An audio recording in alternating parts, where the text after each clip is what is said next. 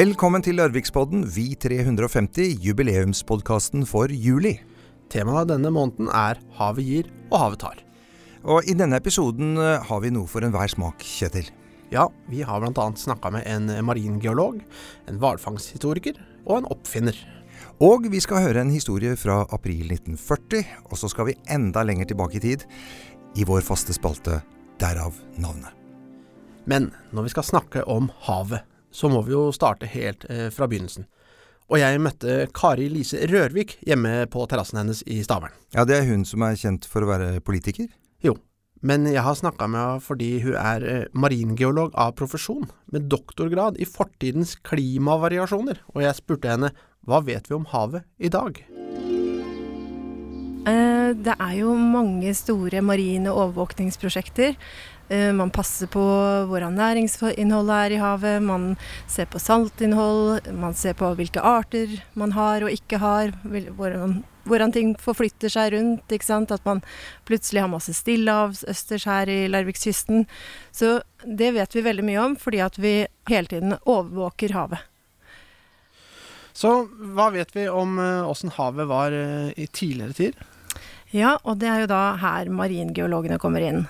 Eh, men eh, sånn for å forstå akkurat hva vi driver med, da, så tenkte jeg jeg skulle ta det der med de pollenundersøkelsene. Hvis vi, hvis vi tar noen prøver rundt forbi, som noen har gjort, da, noen forskere, så, så har man oppdaget at uh, bøketrærne de kom til Larvik for uh, ca. 9100 år før nåtid. Og så fikk de en sånn kjempeutbredelse for 1300-1200 år siden her i Larvik. Og det uh, betyr jo at man har fått bøketrærne inn her før menneskene etablerte seg. Så de er helt naturlig i dette området. Så det er jo litt ålreit uh, å tenke på at uh, denne lange historien til uh, bøketrærne det, det, viser jo at det er ikke noen nye plantasjer. Man kan faktisk stå i bøkeskogen og, og si dette er helt naturlig. Her, er, her har vi trær som, som, har kommet hit av seg selv. Så hvordan vi vet alt dette om disse bøketrærne, er jo at man har gjort pollenanalyser og radiokarbondateringer av torv og forskjellige små skogshull i, i Larvik.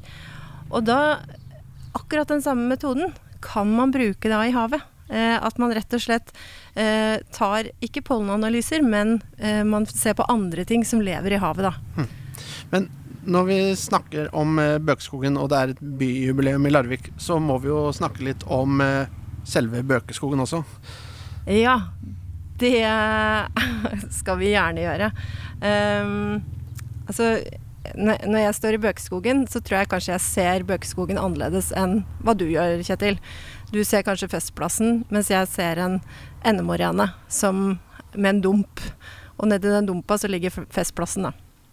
Um, og den uh, toppen, da, der jeg gjerne står og får helt sånn blir glad inni meg, er jo, er jo da denne store endemorenen som, uh, som strekker seg helt fra Halden via Moss og Horten, og så ender den opp helt på Jomfruland.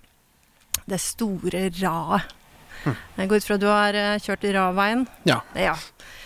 Uh, selve denne Vårhaug, da, vår bøkeskog, er et sånn resultat av en, den siste krampetrekningen som isen hadde. Men vi snakka jo om havet her, og nå har vi jo bevega oss langt opp i Bøkeskogen.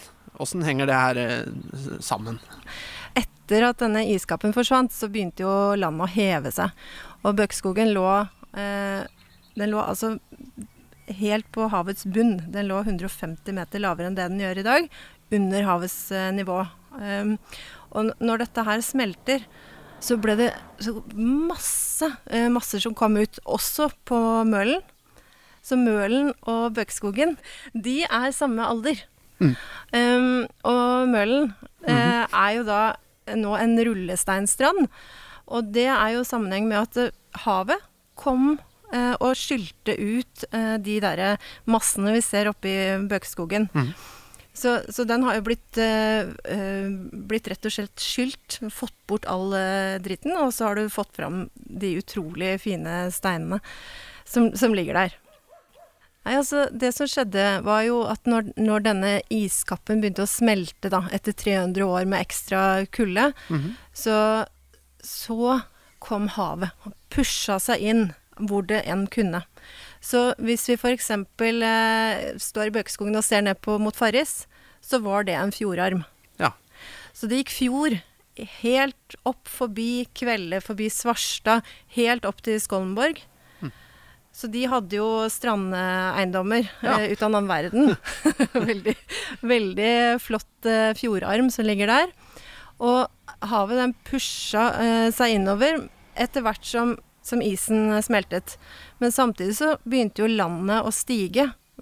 Hvis du ser for deg landmassen vår som en brøddeig, så når du trykker brøddeigen ned, så blir det en grop, og så når du slipper trykket, så begynner det å bevege seg opp igjen. Men, men det var dette havvannet, ikke sant. Eh, tenk deg at du har da saltvann hele veien opp forbi Kvelde, Siljan, Svarstad. Og det er jo her det som jeg syns er viktig da, eh, i denne historien her. At eh, temaet deres er jo 'havet gir og havet tar'. Mhm. Eh, og her har vi fått, rett og slett fått noe av havet som vi ikke kanskje går og tenker på daglig. Men vi har fått marine sedimenter som, som leire og sand.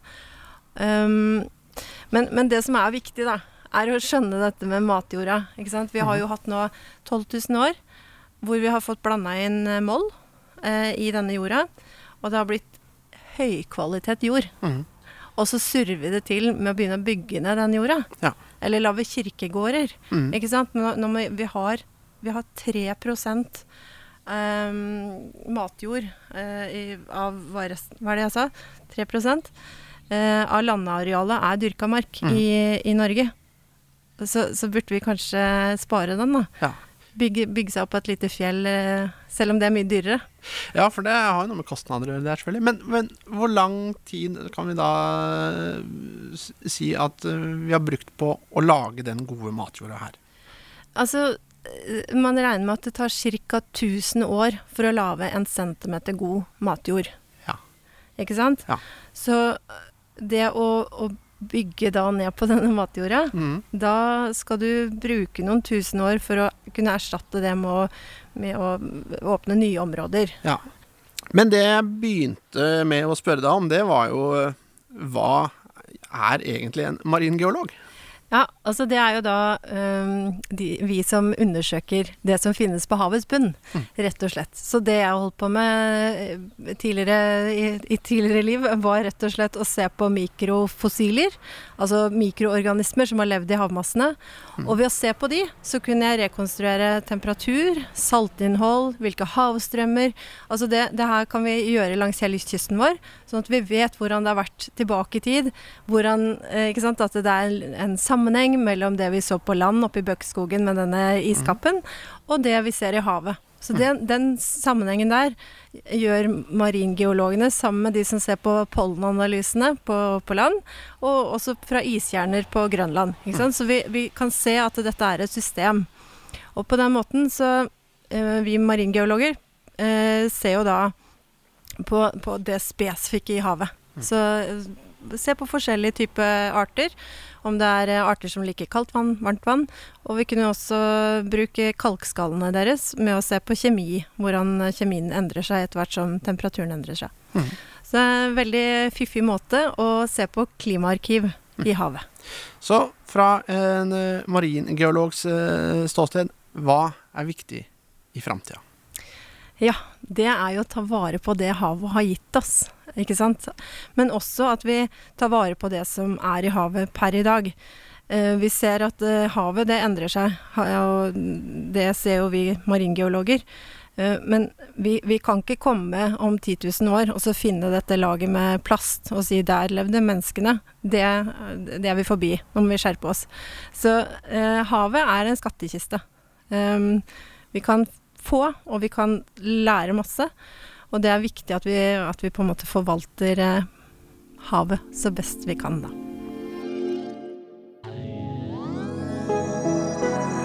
Derav navnet. Aina Aske, konservator ved Vestfoldmuseene. Batteristranda. Den går jeg ut fra har navnet sitt etter noe som har med batteri å gjøre.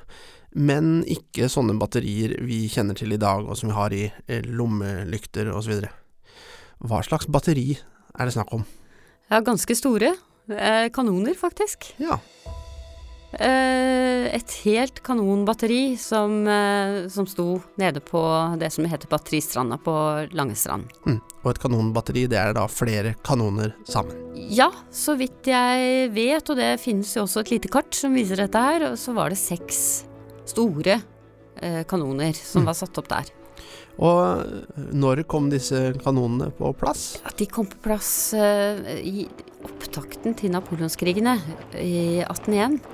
Og de ble jo da bygd for å forsvare det som var det, liksom det aller viktigste ved Larvik på den tiden, og det var jo jernverket og de produktene da som ble eksportert til Danmark i Mm. hovedsak. Men eh, et eh, kanonbatteri helt innerst i fjorden høres jo ikke ut som et sånn optimalt eh, forsvar. Eh, var det noe mer ved det forsvarsanlegget enn dette batteriet? Ja, det var det jo. Altså, Larvik var jo fra 1600-tallet, ikke sant. Når du får grevskapet etablert og sånn, så, så ble det en by som det var nødvendig å forsvare. Og den store fienden gjennom alle år var svensken. Mm. Og dermed så får vi jo også heltehistorier rundt dette her. Men eh, det startet jo da med en liten skanse ute ved Stavern. Mhm. Og så bestemte kongen, eh, Kristian 5. i 1685, da lå han litt sånn værfast der ute, og så tok han eh, en sånn liten båttur, og da fant de ut at eh, her kunne det bygges eh, et bedre forsvar. Og da fikk vi sitadellet og steintårnet og det som vi kjenner der ute. Og det er jo det virkelige forsvarsverket utenfor Larvik, men som da var det første som skulle møte og ta av brodden av et eventuelt angrep. Og det var en ingeniørkaptein som het Wilster, som da tegnet dette og fikk det. Og så kommer du lenger inn i fjorden. Eh, og Hørn eh, var jo en berømt havn på disse tider. Og der gikk det soldater på, på vakt under den såkalte Gyldenløvefeiden i 1670-årene. Og der var det også et kanonbatteri såpass tidlig. Og på det som ble kalt Dragenesfjellet, altså fjellet utenfor kirken, så lå det blokkhus på samme måte som uh, ute i Stavern. Mm. Eh, og så hadde du jo også eh, da på toppen av Bøkkefjellet. Så, så Larvik var liksom en by som var innringet av forsvarsverker. Men Stavern på den tida, snakker vi da om at det er det som er etableringa av uh, Stavern? Eller var det noe Nei. Nei. Nei da, Stavern var, eh, og det er veldig interessant hvis du ser på gamle kart, så kalles Stavern for Flekken Stavern. Og det er tysk. Eh, Og flekken betyr et lite, men betydningsfullt sted. Ja. Eh, og så det var jo en utskippingshavn og en, eh, et ladested. Og med en, en bebyggelse der hvor Stavern by ligger i dag. Og så kom altså dette forsvaret utenfor, som da er på grunn av jernverket. ja. Og kjenner jeg stavernsfolk rett, så blir de veldig glad for å bli omtalt som et lite, men betydningsfullt sted. Ja, og det står altså på kart fra 1690-årene. Men hvis vi går da inn fjorden igjen og tilbake til Batteristranda, vet man noe om eh, virksomheten der før eh, den fikk navnet sitt? Ja, eh, der hvor det batteriet lå, så var jo like altså i utløpet av Farriselva. Og det som også var viktig der, det er at kom jo malmskutene. Eh, oppe fra gruvene lenger nede på Sørlandet, så det gikk jo viktig transport, ikke sant. Dette var den største havna i Larvik, faktisk. Den viktigste havnen. Som byfolk ikke knapt nok fikk lov å øh, legge til ved. Så, så du kan si i dag så forbinder vi jo Larviks historie med området rundt Tolleråden, Skottebrygga, men starten på hele ladestedet er jo knytta til utløpet av Farriselva og bebyggelsen på Langestrand og Bøkelia. Det, det var der det startet. Så, så dette her har vært et viktig område hele veien. Men selve det med kanonbatteri og forsvaret av det kom nok ikke da før eh, dette vi hører om i 1801. Hva er ditt eh, forhold til temaet havet gir og havet tar, eh, Geir Atle? Oi, ja, jeg er jo halvt eh, nordlending, så det første jeg tenker på, det er eh, at eh, når jeg var tenåring, så sa alltid farmor Du, Geir Atle, skal vi ikke ha noe med, da? Og det var kodeord for gå ned til moloen, hopp opp i trebåten, ro ut på Vika og kom hjem med middag. Og det andre jeg tenker på, er at eh, hvis jeg ser for meg å sitte i den båten ute på Vika og se utover, så ville jeg hatt en stor, stor stein på venstre side, og der ligger farfars gamle Dodge. Og ikke alene. Og du, eh, Kjetil? Nei, jeg tenker på den gangen jeg eh, dro ut for å dørre makrell. Så fikk jeg selvfølgelig da dørja i propellen. Og samtidig da så kommer Petter Wessel inn fjorden. Og jeg har ikke dregg, så når eh, hekkbølja fra Petter Wessel kommer, så blir båten fylt med vann og skylt inn mot svaberget og slått til pinneved. Men det gikk bra med deg? Det gikk eh, veldig bra, heldigvis. Det var bare stoltheten som ble såra. Men jeg har møtt en som er litt mer sjøvant enn det jeg er. Vi sitter i båten til Dag Oppen eh, Berntsen. Og åssen båt er det her, Dag? Dette her er Viksteinsjektet. Levert eh, 1.10.1950 til eh, los Tor Thorsen. Så det er bygd inn på Karstranda i, Larvik. På, det er en 21 fots båt på 23 fots male. Gjør at blir får litt mer drektig fylle bak her. Og hvis vi skal snakke litt om deg, hva, hva, er, hva er du? Hva er ditt yrke? Jeg, jeg, jeg er fiskeribiolog, da, utdannelse.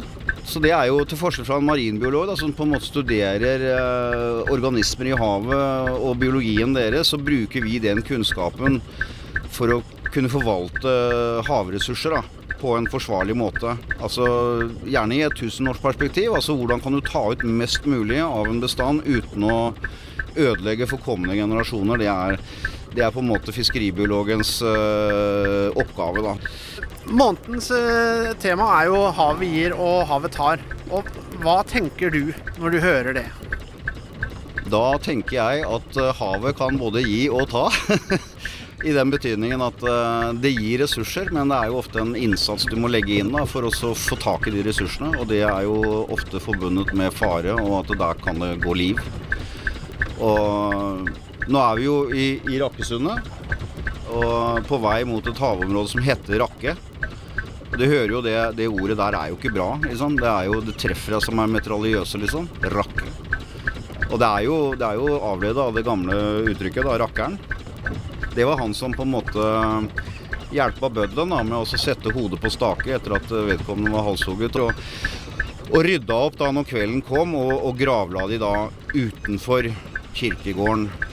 Eh, faktisk på Rakke, som heter Nattmannsodden.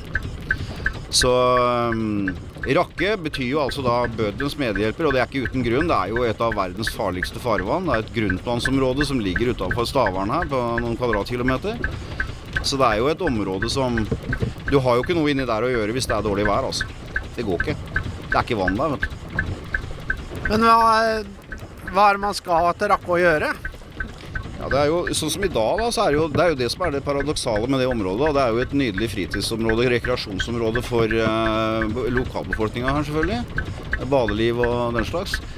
Men det er jo et fantastisk fiske, fiskeområde, altså. Og spesielt kanskje for hummer. da. For det er mye rullesteinsrøyser og båer og en del sånne ting som gjør at det er spesielt godt egnet til å drive med hummerfiske. da. Så jeg tror nok at det er et av Norges beste hummerland her ute. Men uh, hvor lenge er det nå å drive med hummerfiske her ute, da? Det er ganske nytt fiske, egentlig. Det er et fiske som kom til Norge på 1500-1600-tallet. Og det var jo det var uh, hollenderne som kom hit med det. Men uh, sånn generelt for liksom Hvis vi er inne på det med, med havet tar og havet gir, så er det jo eh, Skagerrakkysten er jo i verdenssammenheng så er det kanskje et fiskerikt område, men ikke, ikke i, i nasjonalsammenheng, liksom. For at det, resten av norskekysten er så ekstremt rik på fiskeforekomster at det, her er det egentlig ikke noe Altså Vi snakka aldri om Skagerrak når jeg var fiskeribiolog. For det, er, det Norge tar ut av Skagerrak er under 1 liksom, av hva vi fisker andre steder langs norskekysten. Altså. Sånn at når når, sitter, nå vi sitter nå i dette Dette er jo et fiskefartøy, ikke sant? Um, så, er, så er det et, et et landnært fiskeri som fisker til et folkerikt nærområde.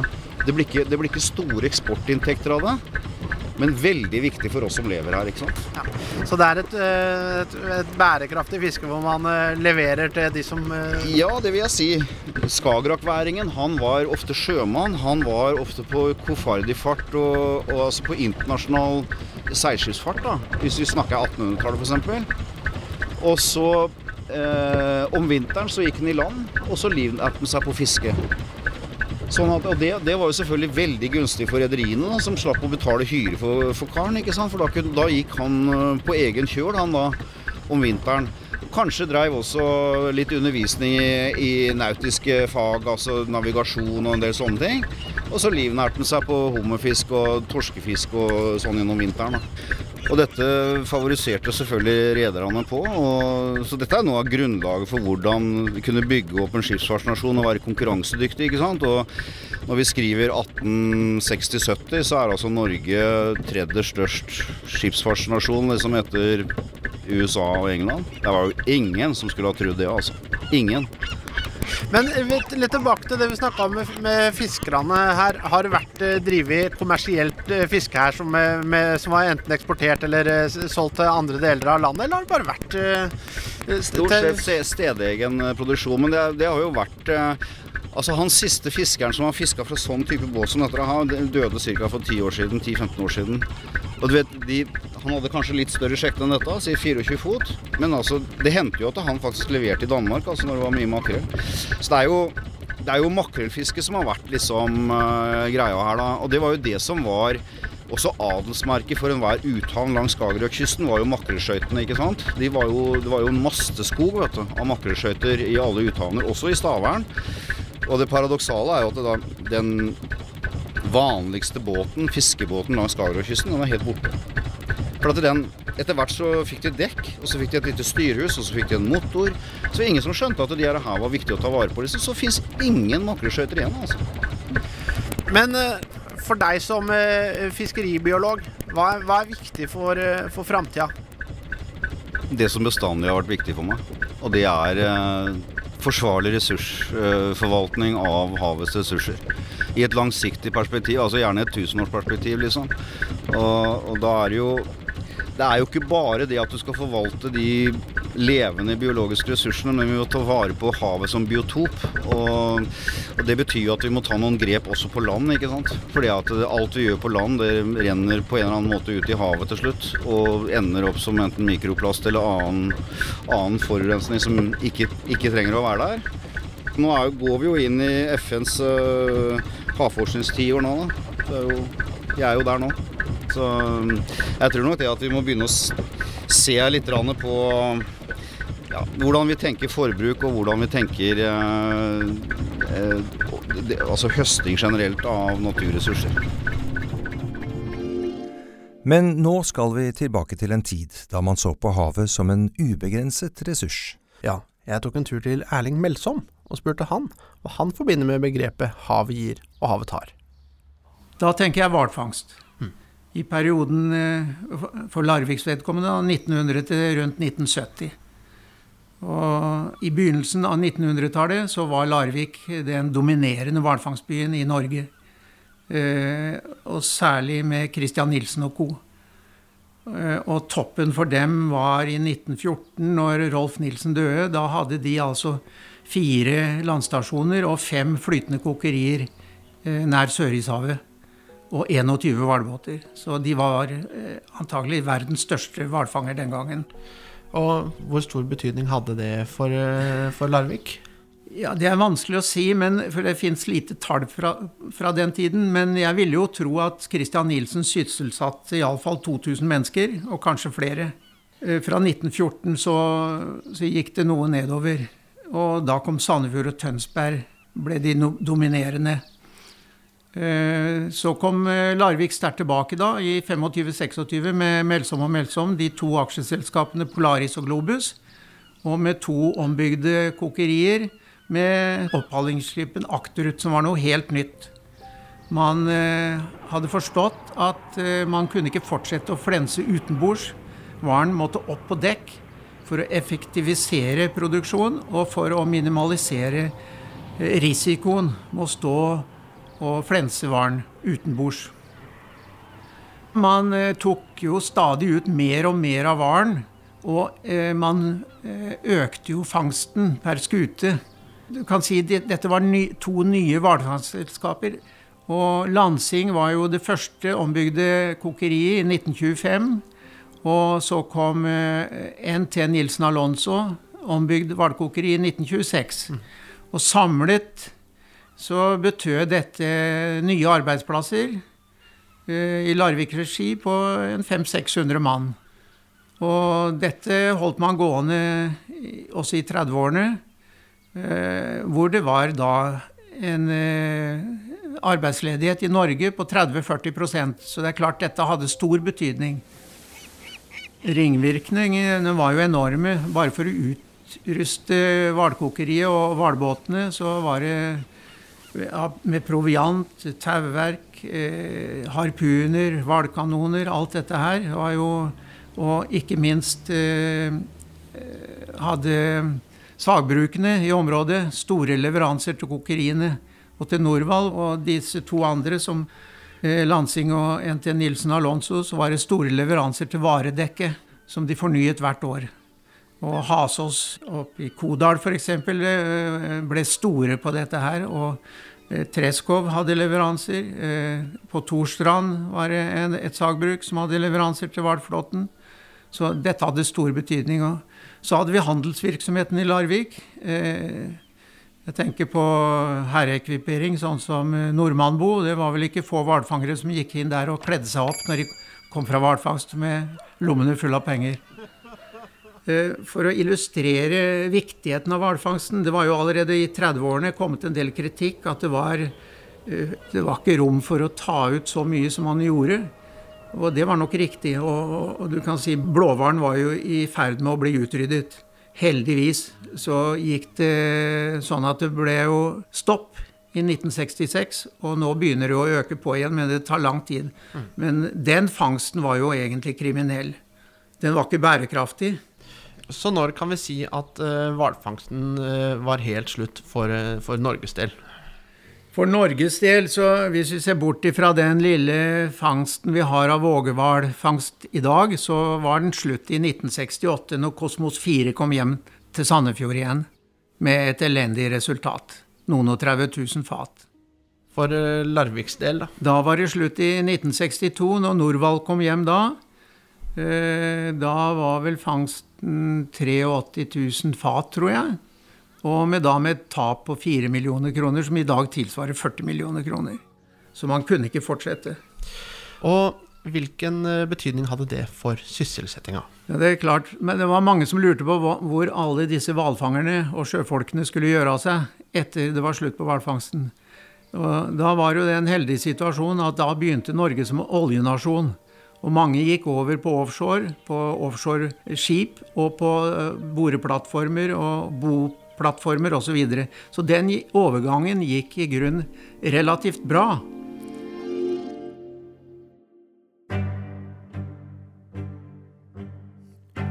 Fredag 27. oktober 1939 kan man i Østlandsposten, over nesten en helside, lese en anmeldelse av Sam Eides selvbiografi 'Mitt livsverk', illustrert med et bilde av Norsk Hydros anlegg på Vemork i Rjukan. Et anlegg som skulle spille en stor rolle i krigen som Norge blir en del av et halvt år senere. På motstående side i avisen kan man lese en artikkel om det Larviksbaserte hvalfangerselskapet Polaris driftsberetning for siste fangstsesong. Der blir det i en liten setning opplyst at hvalbåten Pol 3 er leid ut til marinen siden 11. september samme år. Denne nyheten får langt mindre oppmerksomhet, men kommer likevel til å spille en stor rolle i historien om den tyske okkupasjonen av Norge. Skipet skal gå i nøytralitetsvakt og se til at de stridende partene i krigen som allerede pågår i Europa, ikke går inn i norsk farvann. Mandag 8. april 1940 er det en anspent stemning i hele Norge, og Vestfold er ikke noe unntak. De siste dagers meldinger om tyske fly, fremmede skip og ubåter innenfor norsk territorium gjør folk urolige. Utenfor Svenner blir en tysk tanker ved middagstider torpedert og senket av en britisk ubåt. Mannskapet blir eskortert til Stavern av en losskøyte fra Nevlunghavn. Krigen er ubehagelig nære. Om bord i Pol 3, som patruljerer ytterst i Oslofjorden, går dagen mot natt. Kaptein Leif Velding Olsen fra Sandar er nedenunder i sin kahytt, mens vaktsjef Hans Bergan står på broen. Kveldene er fremdeles mørke, og nymånen gir lite lys. Det som om ettermiddagen har vært dis, har blitt til tett tåke. Pol 3 har akkurat rundet Færder for å gå mot Torbjørnskjær, da vaktsjef Bergan ser to store skygger gli innover den tåkelagte fjorden. Kaptein Olesen blir purret, og sammen med Bergan konstaterer han at de to skyggene er mørklagte krigsskip. Men er de engelske eller tyske? Olsen gir ordre om å avfyre varselskudd med 76 mm-kanonen som er montert på Pol 3. Skuddet får ikke de mystiske fartøyene til å endre kurs eller fart, men plutselig treffer noe det norske vaktskipet bakfra. En torpedobåt med tysk flagg skraper opp langs siden av Pol 3, retter lyskasteren mot skipet og gir nordmennene ordre om å overgi seg. Olsen nekter å adlyde, men sender i stedet opp signalraketter. To røde og en hvit, for å varsle nærliggende fort om hva som er i ferd med å skje. Samtidig starter telegrafisten på en radiomelding til Horten. Klokken er blitt 23.07. Fra det tyske skipet kommer det salver med mitraljøsekuler. Skipet settes i brann, og kapteinen, som på dette tidspunktet står i baugen, løper mot broen, men blir på veien truffet i beina. Hardt skadet beordrer han mannskapet om å forlate skipet. Livbåtene er skutt i stykker, og kun en pram er igjen til å evakuere 14 mann. Sterkt overbelastet kantrer prammen. Svekta av skadene prøver kapteinen å klamre seg fast til skroget, men må til slutt gi tapt og forsvinner ned i dypet. Resten av besetningen plukkes opp og arresteres av mannskapet på den tyske torpedobåten. Norge er i krig, og kaptein Leif Velding Olsen blir første nordmann som dør i kamp mot de tyske invasjonsstyrkene, 44 år gammel. Men Drøbak er varslet, og Blüchers skjebne beseglet.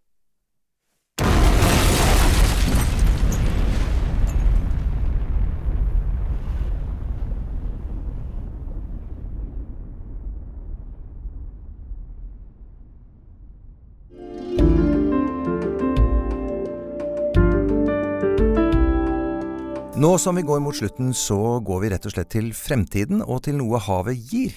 Stikkord produksjon av kraft. Da snakker vi om eh, havvind. Nei, Bølgekraft? nei. Vi snakker om noe som ikke er laget ennå. Jeg tok nemlig en telefon til en oppfinner fra Larvik. Mitt navn er Bendik Bø, og jeg er oppfinner. Har alltid likt det. Jobba i mange år med hest. Eh, veldig glad i fysiske løsninger, og jobber nå med World Power Energy. Eh, Jeg bodde på en øy i Italia i to-to og et halvt år, og der var vi veldig nærme det marinebiologiske. Da, og jeg, det fascinerte meg med oppdrift. Og jeg bestemte meg egentlig da for å prøve å løse eh, problemet å få ut energi av oppdrift. I det øyeblikket jeg bestemte meg for å prøve å løse det problemet, så begynte jeg både bevisst og ubevisst å skaffe meg kunnskap rundt eh, alt eh, hva gjaldt oppdrift, og hva som var gjort før, og hva som gjaldt innen trykk og naturlover og fysiske lover og de bitene der, som gjorde at jeg bygde meg en eh, kunnskap, og også kunne se hvor andre hadde gått feil da, i forsøk på å løse de her utfordringene som er. For det er jo en del utfordringer eh, sånn rent fysisk. Først så holdt jeg på i mange år å tegne sjøl, og så ettersom jeg syns jeg begynte å nærme meg noe som var litt utafor allfarvei, så tok jeg kontakt med ekspertise. Og ekspertisen eh, instruerte meg på det og det, og det går ikke, og det går ikke. Og så fant jeg en ny løsning på det som ikke gikk, og så kom jeg ett steg nærmere det jeg, målet som jeg hadde lyst til å nå. Og så, når jeg hadde gjort det, så viste jeg fram til ny ekspertise, og så jobba jeg meg sakte, men sikkert framover. Og da laga jeg en egen prototype som jeg testa i praksis, og den fungerte glimrende. Og da tenkte jeg at nå kjører jeg i gang prosjektet patentsøker og gjør det, og da stemte alt fysikk. Og så starta jeg Worldpower AS, og så sparka vi i gang prosjektet da 1.6 i fjor. Da eh, begynte vi å selge folkeaksjer for å få med for å få inn kapital til å kunne utvikle prosjektet videre. Og vi, jeg gikk da ut i Østlandposten, som skrev en reportasje. Og så begynte Larviksfolk å melde seg på. Og det er mye løsningen til at jeg har kunnet jobbe fritt og utvikle prosjektet til der vi er i dag. Det er jo selvfølgelig andre større investorer, men du kan si at du får ikke det ene uten det andre. Og det er, eh, og det er mye Det er veldig bra, rett og slett. Og hva er status akkurat nå? Akkurat nå er vi på Vestlandet, på Vestbanen, og vi bygger den første fullt funksjonerende prototype som eh, produserer strøm. Den er jo fysisk utvikla og utnytta med alle Newtons lover og Arkimedes og alt som fins. Er eh, konstruert sammen på en så finurlig måte at eh, ja, at det her eh, fungerer. Hvor mye kraft er det en sånn installasjon eh, produserer? Du, det er veldig det som er fordelen med det her, det er at det er veldig lett å skalere. Både i størrelse, men også med eh, dypet, hvor dypt man senker den. Eh, jo dypere du senker, jo større, større produksjon får du. Og jo større fordel har prinsippene, da. Så vi kan produsere alt fra 10 gigawatt til flere hundre gigawatt med eh, installasjoner som vi også kan montere sammen.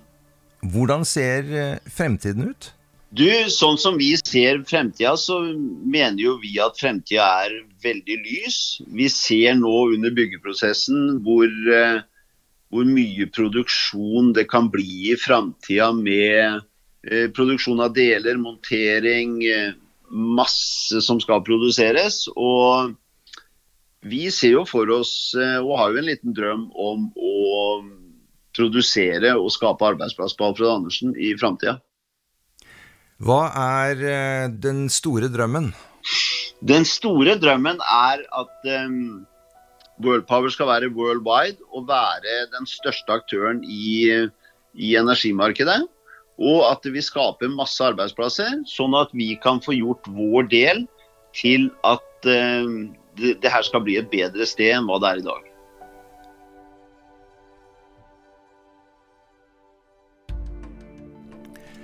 Da har vi kommet i land og sier takk for turen til medpassasjerene, som i alfabetisk rekkefølge er Aina Aske, Bendik Bø, Dag Oppen Berntsen, Erling Melsom og Kari Lise Rørvik.